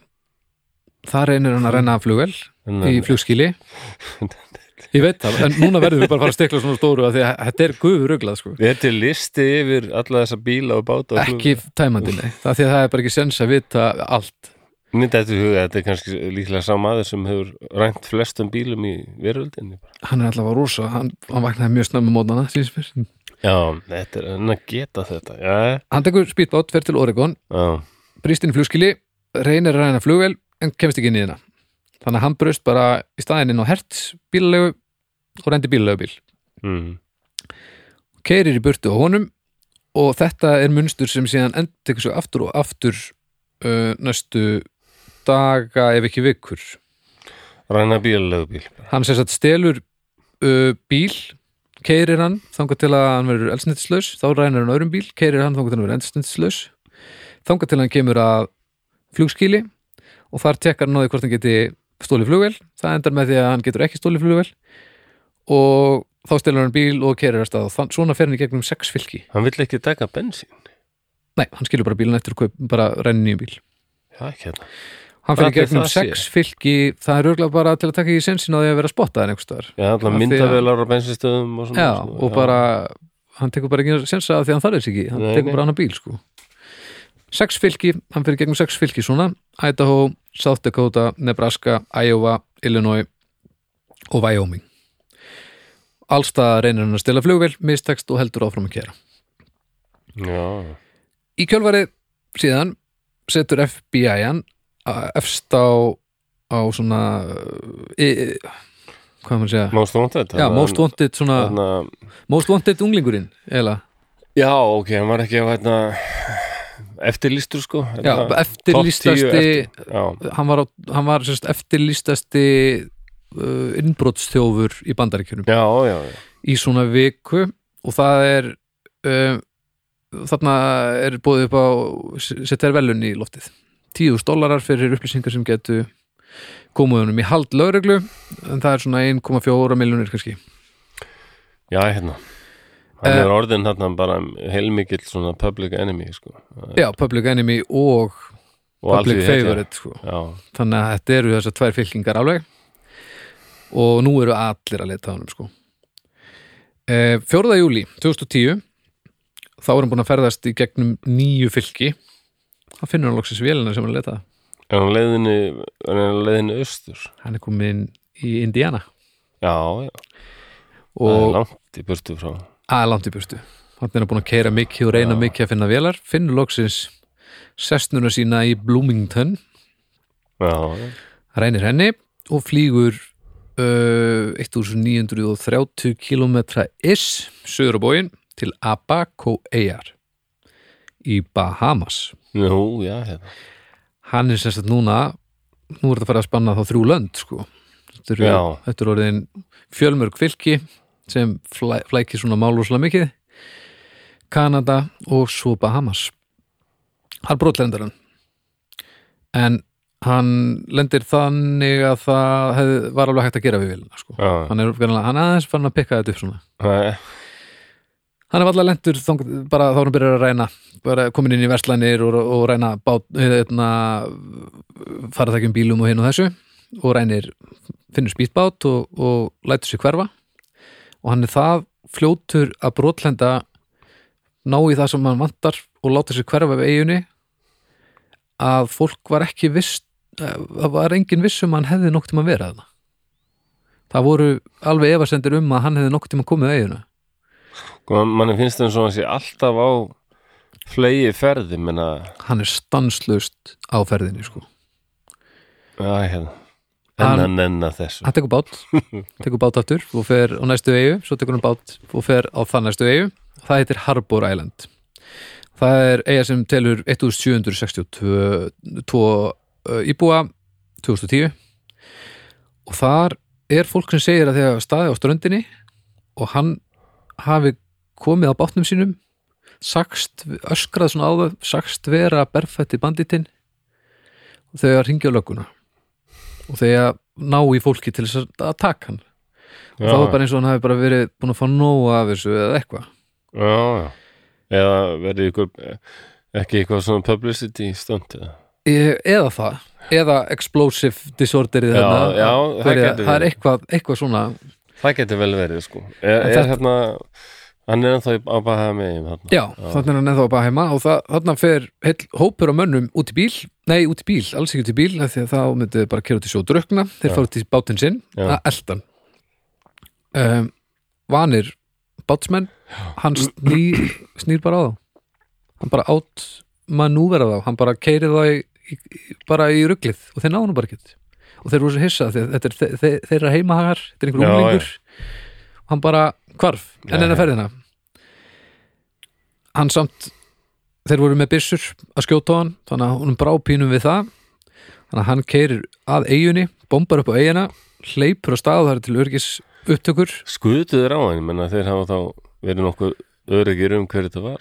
hann allavega, já, hann var búin að segja þeim alveg hver þetta væri, sko en mér skilstæðir að við skotið á hann hann allavega varður rosalega kvektur hann, þeir allavega Já. voru með byssur á lofti Þetta er aldrei skrítið. það var vitað að byssurnar eru á lofti, sko Já, hann sérst á eftirlitsmyndavélum hlaupa inn, sérst bombar upp í bryggjuna hleypur á stað inn e, á eiguna lendir á öryggisverði segir þeir eru að reyna að drepa mig hann segir hverjir og hann hleypur á stað og öryggisverðinu eftir honum, nær honum ekki og sér hann samt hverfa inn í runna já, þannig að hann veit hvað hann er ringir í yfirvöld yfirvöld þess að lögreglan ákveður að kalla út alla lögreglumenn á svæðinu þá sem voru á vakt, þá sem voru ekki á vakt fá alla, vakta bátinn hans sem að koma á vakta alla bryggjuna, vakta allt svæðið býða bara eftir því að hann verða að koma út og bara handsam hann Er hann inn í einhverjum skói hérna eða, Já. eða bara rjóður í? þetta er sko einhvers konar skólendi en ekkert eitthvað brjálega stort Nei. skildis mér sko Ok, þau allavega, það, svona þetta fólk talar eins og það viti sirka hvað hann er á hvaða svæði og er búið að vakta það nema hvað, okkar maður hann finnur leið hann náttúrulega bara finnur einhverja leið að skrýða með fram einhverju undir eitthvað grindverk og slaka sér einhvern veginn niður í einhvern sjó syndir síðan bara alla leið að einhverju spýt, í öðru spýtbát tengir framhjá á honum og kemur sér að veginu en þeir sjá hann sem stikli í burtu já, hann sem sagt kemst fram hjá öllu þessu liði einhvern veginn ósýður 1.96 á nýjum stað sem hann þekkir ekki og allir þess, þetta, allt þetta fólk þekkir hennar stað já, næra ræna bát og láta sér hverfa alltaf, já. Hann löggan, er búin að þróa með sér rosalegt svona, ég veit ekki hvort það er, hvað er íslenska orðið yfir survival instinct, sko. sjálfsbjargar viðliðni Já, og ég, Eða- jú, jú, ég held að fara í, það er líklega bara, orðið- og, kannski, Er það orðið, ekki? Jú, eða svona, og þetta er einhver svona kraft meira orð, sko, þetta er já, eitthvað eðli, svona, þetta er svona eð, meira svona eðlisávísun, sko. þetta er svona spider-sense næstu í Já, og bara, ég held að um, hann bara er, það er hún er þróa með sér ótrúlega hæfileika að finna undarkomu leiðir sko ótrúlega næmur á aðstæður virðist vera og bara óbóðslega góður í því sem hann gerir hann bóð bara af stað með go- svolítið gott forskot á lauruglubátan hans tvo sem koma á eftir en það sem gerist þarna er að það eru greiningar það eru samt greiningar Ó, já, hann fer á þær og hann er ekki fastur fastur hann er ekki strand en skrúðunar eru bara í sandi Já. skrúðunar eru bara að djöblast áfram í sandi þannig að hann fer rosalega hægt yfir lauruglubátarnir koma bara beint upp á hann já, og það er þar sem að hann snýr sér við með aðra hönd á stýri og beinir byssuna að höfðinu sér og segist alltaf kála sér já, ok sem er það sem, að við, það sem við vorum í þessum lestri Já, á hann um, þeir reyna eitthvað að tala hann ofan af því hann, mér skilst, þeir seg, sumir segja að hann hafi verið að stefna til Kúpu hann ætlaði alltaf að reyna að koma sér til einhvers land sem hann var ekki hægt að framselja hann til bandaríkjana og hann sá bara að þetta væri búið spil og hann alltaf klúraði svolítið með því að segja hver hann væri og svona eitthvað, þannig að þetta var svolítið svona farið að liðast í sundur sínismanni já, uh, og þau eru að reyna að tala hann að því að skjóta sig þetta og þá er bíll, nei, hérna, báturinn alveg að losna úr grinningunum já, þannig að endan með því að hann snýr sér við þegar að báturinn er allt í hennu fann að reyfast pínu meira og ætlar að fara að gefa í og, og stinga af og þá skjóta uh, lauruglu mennirnir vélarnar í klessu og já, gera bátinn uh, vélarlausan já, sem voru lætin í lokin á lestrinum svo að það komi skýrt fram þá já, ok. okkar maður sem þetta er á lífi já, og hann gefst upp hann, hann kála sér ekki hann er bara tekin, tekin fastur loksins er hann, hva, hann er loksins já, hvað er hann 19, á- 20 ára eða?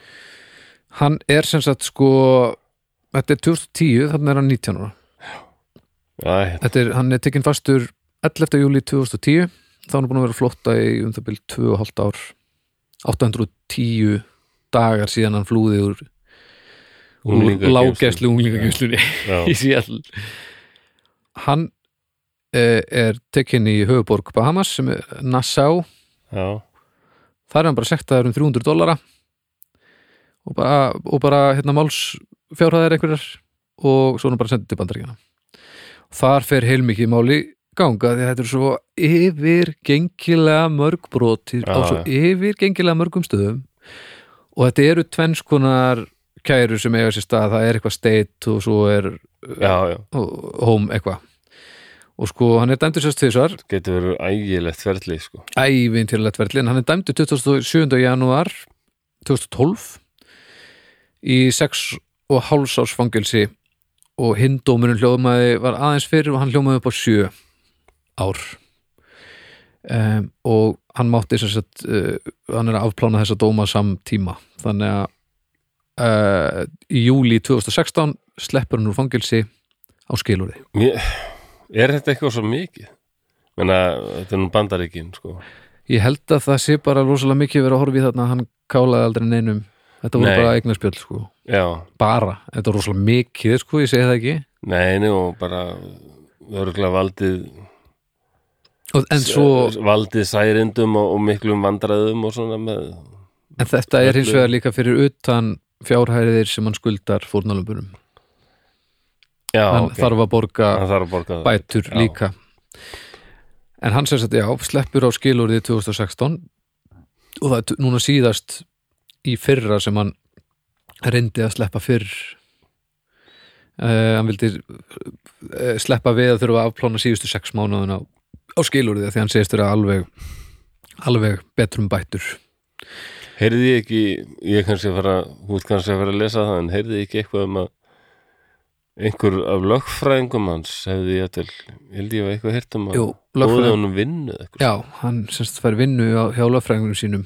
bara Já. við svona einhverja smá hluti hann er hann er með fasta vinnu þegar hann kemur loksins út Svo er ég á með nokkra svona aukapunkta sem að ég bara sá svona alveg gó og vildi bara koma inn á með þetta mál Hann var bara berfættur nokkrum sinnum Já, þegar hann var að reyna já, og það var aðalaðan í byrjun en samt festist það svona óbúslega við hann og hann gerði Já. náttúrulega aðeins úr því en hann var ekkert alltaf á, nei á tánum sko þið er nú alltaf að trúa því Það er aldrei vesinn að þurfa að halda því alltaf uppi það er alveg brútalt sko Já, það er Eh, sérstaklega út að brjóðast inn þar sem allt er fullt af einhverjum virgirðingum og, nákvæmlega, já. já, maður verður að velja já, maður verður að meta þess það sko. já, ég held að til að útskýra aðeins mömmans betur Já, þá er hún spurð á einhverjum tímapunkti þegar hann er á þessum flotta þessum brútal flotta þá hringdi blaðamaður í hana og spurði hvað hún myndi gefa honum í jólagjöf þetta var yfir jólin hvað, ef þú gætir, hvað myndir þú gefa honum í jólagjöf og hún sagði skotelti vesti og þetta lýsir henni held ég svolítið vel já, sko. já, og svo bara þegar hann næst loksins þá segir hún bara og einhver er að segja henni er ekki þitt starfa beina barninuðinni einhver ákveðna átt og hún bara sum börnum er ekki hægt að beina í neinar áttir og hún bara svona afsala sér öllu já, já, en það er allir sammála um það að hún hafi verið algjör deli sko. já, já. uh, í eitt skiptið, ég veit ekki nákvæmlega hvernig það var þá komst löggan mjög nálættið að honum þau fundu tjaldið hans og tóku dótið hans Mm, en þá átt hann hund hann hundi kvolp, litla tík mm, og hann, hún var laus og það var lögbrot þannig að þeir tóku tíkina þeir vissu að hann dyrkaði hana alveg út af lífinu fóru með hana í hundaatkvarf já, já. nótun eftir þá fór hún sót hana auðvitað. fór bara bröstin í hundaatkvarfið sótið hundin sinn út í skó Þeir hefðu nú getað átt vona því já, þetta er samt svo þetta er samt svo, það er svo fáránlegt að gera þetta sko. Já. þannig að maður hugsa kannski ekki alveg fyrir því hvað hann er á miklu missunni sko. en mér finnst þetta magna Þetta er bara, maður sem rettar sér og letur ekkert stöða sig. alveg, alveg brútali sko. svo eftir að hann hérna, var komin í, í hald og svona 2016 hann reyndan að krátfönda flugnám en það gekk ekki í gegn þar sem að hann hérna, hefði þurft að setja alla upphæðina sem hefði safnast í að borga fórnarlumurum Já, e, og sama ár reyndan hins vegar safna 230 stólurum til að láta frista mömmu sína hún var að Ah. deyja úr fjóraðastigs lungnakrabba og hann ætlaði að borga 230 dólara til að láta frista hana þangað til að lækningin væri til ég veit ekki mikið um þessa konu en það sem þú ert búin að segja mér um, ég held ég myndi ekkert borgaði það, ég held að svona komandi kynsluðir hérna í setni, Árið 2500 myndu þýða þessa konu upp, þau myndu ekki Nákvæmlega. græða neitt á því. sko hann talar einhvern veginn um hana í setni tíð eins og hún hafi verið um, ekki frábær en hún hafi verið að reyna eiginlega, hann talar svolítið þannig um það hana getur verið, sko. En maður upplýðar ekki svona út frá því sem að maður sér en, en, Nei, en, en þetta er þú- eitthvað skrítið sko hún er líklega bara uh, veik manneskja. en hún hins vegar dó 17. mæ 2016 Alkoholisti, ekki. og hann sagði að það hefur að vantaði aðeins nokkra daga upp á að hún hefði get, þeir hefði getað frista hana sko af því að hann veri næstu búin að rætta penningunum en söpnunum sem var á netinu sem var upp á 230.000 dólara hann var reynda bara búin að sapna 2170 dólarum í söpnunni en Já, hann vildi meina það að hann hefði náðu þessu nokkrum dögum með persónulegum lánum ok. og mér skilst samt að í kjölfarið á þessu þá er hann að fara einbytta sér að þessu kræ og hvað heitir þetta? Já, svona cryogenics. Já, eða- hann er að fara einbytta sér að þessu held ég þegar hann kemur út eða að læra flugvirkjan eins og hann byrjaði að gera í fangelsi Þetta er hann langar... langar- valið á milli þess, sko. hann langar til að gera kóru tvekja þetta er þessi Já. klassíski koktel sko. Já, hann er hvort að fljúa eða bara frista gamalt fólk. eh, hann Já, já. seldi réttin af þessu öllu saman af kvikmyndaréttin Já. og, og söguna til Fox fyrir 1,4 miljón dólara Á, já. ok. 200 miljónir sirka Hann er nú ekki Íslenskar? alveg á flæði, skilist þetta. þetta fór allt í fórnum minn þetta, fór allt í, Já, ok. þetta var bara Hann skuldar örglar svakalega pening. Já, hann, þetta var bara aðgerða hans hálfu til þess að koma svona að linna nokkra elda sko, eða svona að slöpa Já. nokkra elda Hann er laus núna, sérst búin að vera laus í fjögur ár. hann er búin að vera laus í svolítið tíma já og ekki, núna er hann ekki á skilorið sko En þá bendir ekkert til þess að hann sé að fara í... nei, hann segir að honum líki ekki þessi frægð og þetta ferli hafi allt saman, þetta hafi ekki verið gaman sko Nei. þetta, eftir á segjan hann að þetta hafi ekki verið gaman Nei, hann verður alltaf á varðbergi og alltaf á flóta þetta. en hugsaði núna til þess allt þetta sem ég er búin að segja, allt sem hann gerði Já, núna búin að vera úr, ekki í fangelsi í fjögur ár og núna ekki á skilurði, núna laus allra mála mhm, hann er 29 ára í dag sérst, í, hann er 29 ára Vá, wow. hann er 20 og fucking 9 ára núna já, hérna það er svo styrlað já, Já. Eh, já Þetta er náttúrulega alveg Já, ég er alveg til í að spjalla samt aðeins meir um hann svona já, eins og ég minnst þetta mjög heillandi mál sko hérna, eins og ég var að tala um raðmörðingjana hérna, mhm. mér finnst þetta bara heillandi ef, það er, ef ég sé glitta í eitthvað sem hérna er kannski jákvætt sko, ég meina já, einhver maður sem hef, hefði kannski geta Já, orðið já, eitthvað já. annað já, ég skilji einhverju hæfileikar sem farið til spillis og- sem við erum með brútali þarna, sant? Já, það er hérna alltaf ofbúðslega örgulega er hann sko vel gefin sem maður ég, Já, trúi það er ekki öðru. talað um það almennt að hann sé rosalega vel gefin úr til dæmis maðurinn sem átti fyrstu vélan sem hann reyndi sem var einhver legendary uh, frettaflutningamaður og sæðinu eða eitthvað. Já, Hann sæði bara vélinu minni var stólið uh, vonandi er næst þessi einstaklingur vonandi setur hann af sér þann tíma sem hann á uh, að sitja inni og nái svo tökum á lífi sinu þar sem þetta er greinilega afvega letur snillingur sko. já, já, þetta er augljóslega gríðalega vel uh, gefin einstaklingur sem er bara komin á braut sko. já maður fær það mikið á tilfinningur og svo er einmitt þetta að forðast að vera að ógna fólki og ræna fólki með, með sko byssu Já, það er ekkert alltaf hann ofbeldi, býst sko. bara inn þegar enginn til staðar hann, og svona hann virðist forðast það, mér finnst sko það er nú algjör siðblinda að ræna svona svakalega og bara taka það sem hendi næst og bara vera ekkert hérna, eignarettur ekki efst á fólkvæslisnarum Nei, með þetta er hugað þessi siðblinda og þessi skortur á virðingu og þessum eignarði já, já, hafið bara heilmikið að segja með þetta uppeldi, skilur ég meina, já, ég held það, ég sko. heldur það ekki, ég meina sem barn, þú veist svo, þetta er svo mótandi einhvern veginn og ef allir eru bara hálf leiðilegir við þig og, og Já. bara þú færð, hann færð kannski ekki borða, þú færð ekki umönnun einhvern veginn, Nei, hún fær bara ekki tækifæri til þess að byggja mannleins nei tengsl og, og læra samskipti og, nei, hann bara en, en það er svo magna að í öllu þessu ferli það voru langt fæstir sem hugsaðu hann sem hættulegan einstakling sko.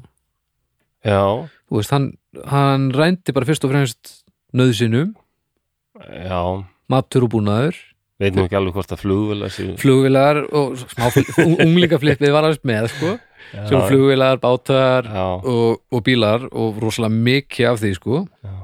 ég verði að fá mína en svo Það fara mér alls náttúrulega ekki með spjald núna hérna, hérna, flugvél á hvert heimili verður. Nei, þetta, þetta- þetta ágerðist svolítið um leiðan fór og komst á flugvila bræðið sko. já, Það svo náttúrulega- þegar hann kannski gleymir sér þáldi í fræðinni, það getur hann verið gerir þannig blað sko. Já, ég menna Og- hann er ungur og eins og ég sagði á hann, sko, maður sem enginn hefur haft áhuga á og allt inn bara getur hann farið í eitthvað netkaffi og séð bara, það er bara já, öllum finnst hann aðeinslegur, sko nákvæmlega Já, það er, auðvitað kýtla það eitthvað, það er alltaf þannig og það var þessi eina vika þarna eftir að uh, hérna verlunin voru sett í lofti þarna, tíu stólararnir það var hann í fjölumilin út um allan heim sko. það var einhver ein vika þar sem hann var frettamattur út um alla blonduna, Já, ég, en annars var þetta svolítið lokal dæmi sko, bandarist dæmi Ég held ég að vera enda eitthvað yfir Wikipedia og það, ég man að það var einhver dómari sem sagði sko að þetta er sorgarsaga öll þín saga sagðan, en, en um leið er hún einhvern veginn svona ég held að hann hafa sagt á ennsku testament to the strength of the human will Ah, já, þannig að bara er um leið nákvæmlega. sko dæmið um bara hvað hérna viljinn og sjálfsparka viðleitnin og getur verið komin útrúlega vant Já, Það sem mér finnst Og líka menn svo magna geta. við þetta er einmitt þessi blanda sko bara þessi tímalína bara það sem hann gerði að reyna fúst, að fara upp í flugvél hafa aldrei flogið, komin á loft brotlenda, lifað af aftur og aftur og aftur já Gera þetta er það. alveg klikkað Líka það að hann er fættur 91 ég er fættur 84 mm -hmm. og svona sögur eru alltaf af fólki í fortíðinni þetta er alltaf þetta er alltaf svona næstu því fólksögur af fólki sem að fór skrýtna leiðir í gamla daga Þú veist, Já, maður já. hugsa aldrei um að einhver sem er sjö árum yngri en ég hann er löngu búin að þessu öllu saman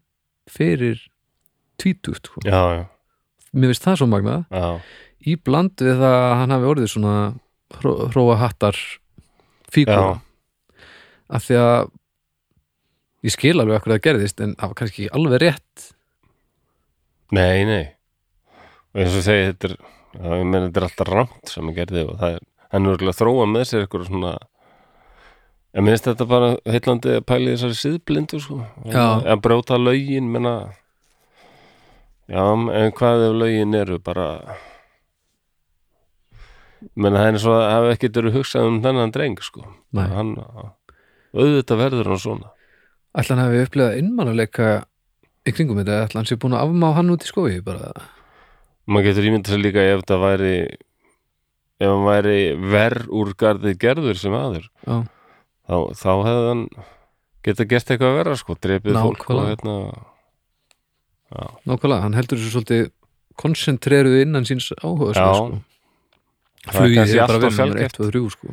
allt of sjálf- allt of sjálfgætt sem við sáum það ég meina, hann verðist Það er ekkert að hafa verið mannhattari hann bara, nei, hann Nei, var hann kenndi- siðblindur hvað margt var það sko. já, s- einmitt já, sumir eru ofsalega svona bitrir og reyðir sko já, og vilja bara og, og telja það bara að beina reyði sinni að gömlu konun sem býr beint á móti sko, það, Já, það já. sé allt í lagi, ég fatt ekki alveg þetta er aldrei svona skakt það er pínu óþari já, en hann verðist ekki alveg hafa verið þar sko. en það er óætt að segja að hann hafi verið dúer já, Ah. þetta er, hann lit verkinn tala það er erfitt annað en að dásta þessu daldi sko. Þetta er í náttúrulega alveg rauninni magnað. þræl magnað sko fyrir utan Það- það að hann opnaði einhverja bloggsíðu fyrir nokkrum árum og rifti þar með margar ára þögn til þess eins að lýsa stuðningi yfir Trump sem fórseta efni já, já, en, já, en hann er nú ekki búin að vera uh, svona brillar í setjum tíðskjörnir nei það ekki nei, eins og þetta fyrsta mömmu og, og, og svona margt skríti sem að var að græja sko já, já hann er örglega einkennilur maður ég held að þetta sé ekki þverskurinn að neinu sko fyrsta mömmu sín já, maður verður stundum að prófa að frista mömmu sín er ekki hann var aðeins, átti aðeins í landin hérna hér sko. en þú veist hann er alveg að dúer, ég meina það eru margir sem missa maður sína á þess að reyna fyrir staði sko. mér heyrist hún ekkert að hafa átt að skilið nei, hún var ekki frá stefni sko, en, en, en þú veist hann allavega finnur sér alltaf eitthvað að gera já, já, hérna svo berfætti, Já, þetta er magnað maður. já, þetta var það Já, og ég er að svona frá félagsfræðilegu sjónum með þér, eitthvað heillaður að þessu sko, af því að bandaríkin eru alltof uh, fakt einhvern veginn í þessu sko. já, Og ég hef einmitt pælt í þessu með allar þessar raðmorðinga eins og með Já, eins og í hinum þættinum þarna um Dennis Reiter sko, að þarna ég er að vitni hann þarna Bert Bar Bargdorf Bert Bargdorf eitthvað Burt Dirk Bargdorf hann heitir. Dörf Já, hann sem var með honum í skóla sko, hann sagði bara eh, það er einhver tragedía í þessu með Jeffrey Dahmer sko. Mm. að hérna hvar var sko við krakkarnir sáum að það var eitthvað mikið að já, hjá Jeffrey sko Já. en hann, var- við vissum líka að hann var vel gefin og hvar voru yfirvöld, hinn er fullorðnum Mm. sko Svo, bara var ekki neitt sko ég Engin, man að sagði einhverjum mitt um þann berfætta sem bann þá var hann húkaði mikið far á sæðinu fekk far með einhverjum nágrann sem hann þekkti ekki droslega vel og þá sagði hann eitthvað svona já þú veist náttúrulega að pappi minn hann er djöfur, dólgur eða eitthvað, hann, hann er að segja hann veit greinilega að það er ekki allt í lægi hjá þeim sko, já, það verðist enginn hafa gripið hann bolta sko, já, já hann bara fær bara hver út í skó í róleitunum og svo Já, einmitt Menna, þetta er en ég held ástæð að það verið helvítið erfitt að eiga við mammans með að við- Já, já viðtölin við hana eru mjög súr sum hver sko Við höfum þetta líka hér á Íslandi fólk hefur verið að gefa út bækur um esku sína og, og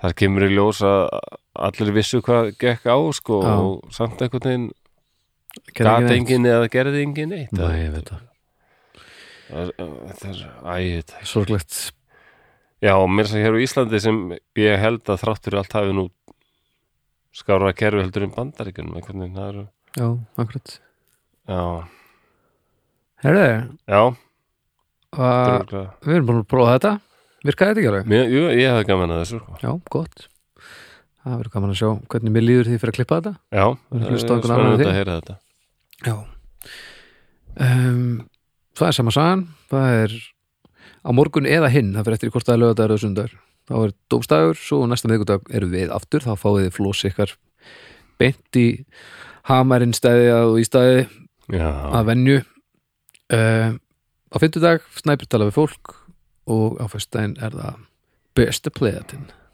já, þetta er flott en ekki við kvittum ykkur til að fara inn á draugafortíðar umræðupur eins og við hefum komið inn á og það verður nóg, það er nóg til af efni þetta er svo ný skeða, það er alls konar efni til um þetta mál til þess að skoða Um hérna bandítan já, Já, ok, það flott er öll þessi eftirlits myndavila, myndbönd og Já, og bara að skoða á korti hvaða leiðir hann var að fara þetta er svo súrt já, sko. ég er ekki búin að skoða neitt svoleiðis Nei, Plagt þetta er- til að sjá það ofbáslega gaman að- að fara yfir þetta og svo viljum við líka ef þið hafið tök á, gefa okkur stjörnur einhvers þar, af því að það hjálpar fólki að finna þetta Já, já, ekki það eru helviti margir búin að finna þetta þetta gengur svaka vel og það er mjög gaman já, já, endilega Bara ef ykkur líst vel á þetta, láta vita Já, ég vona að þessi þetta, þetta hérna körfból sem við hendum í ykkur hérna í dag að þið hafið haft gaman að þessu og við heyrjum bara næsta miðgudag Yes, Nei, það ekki all right Bye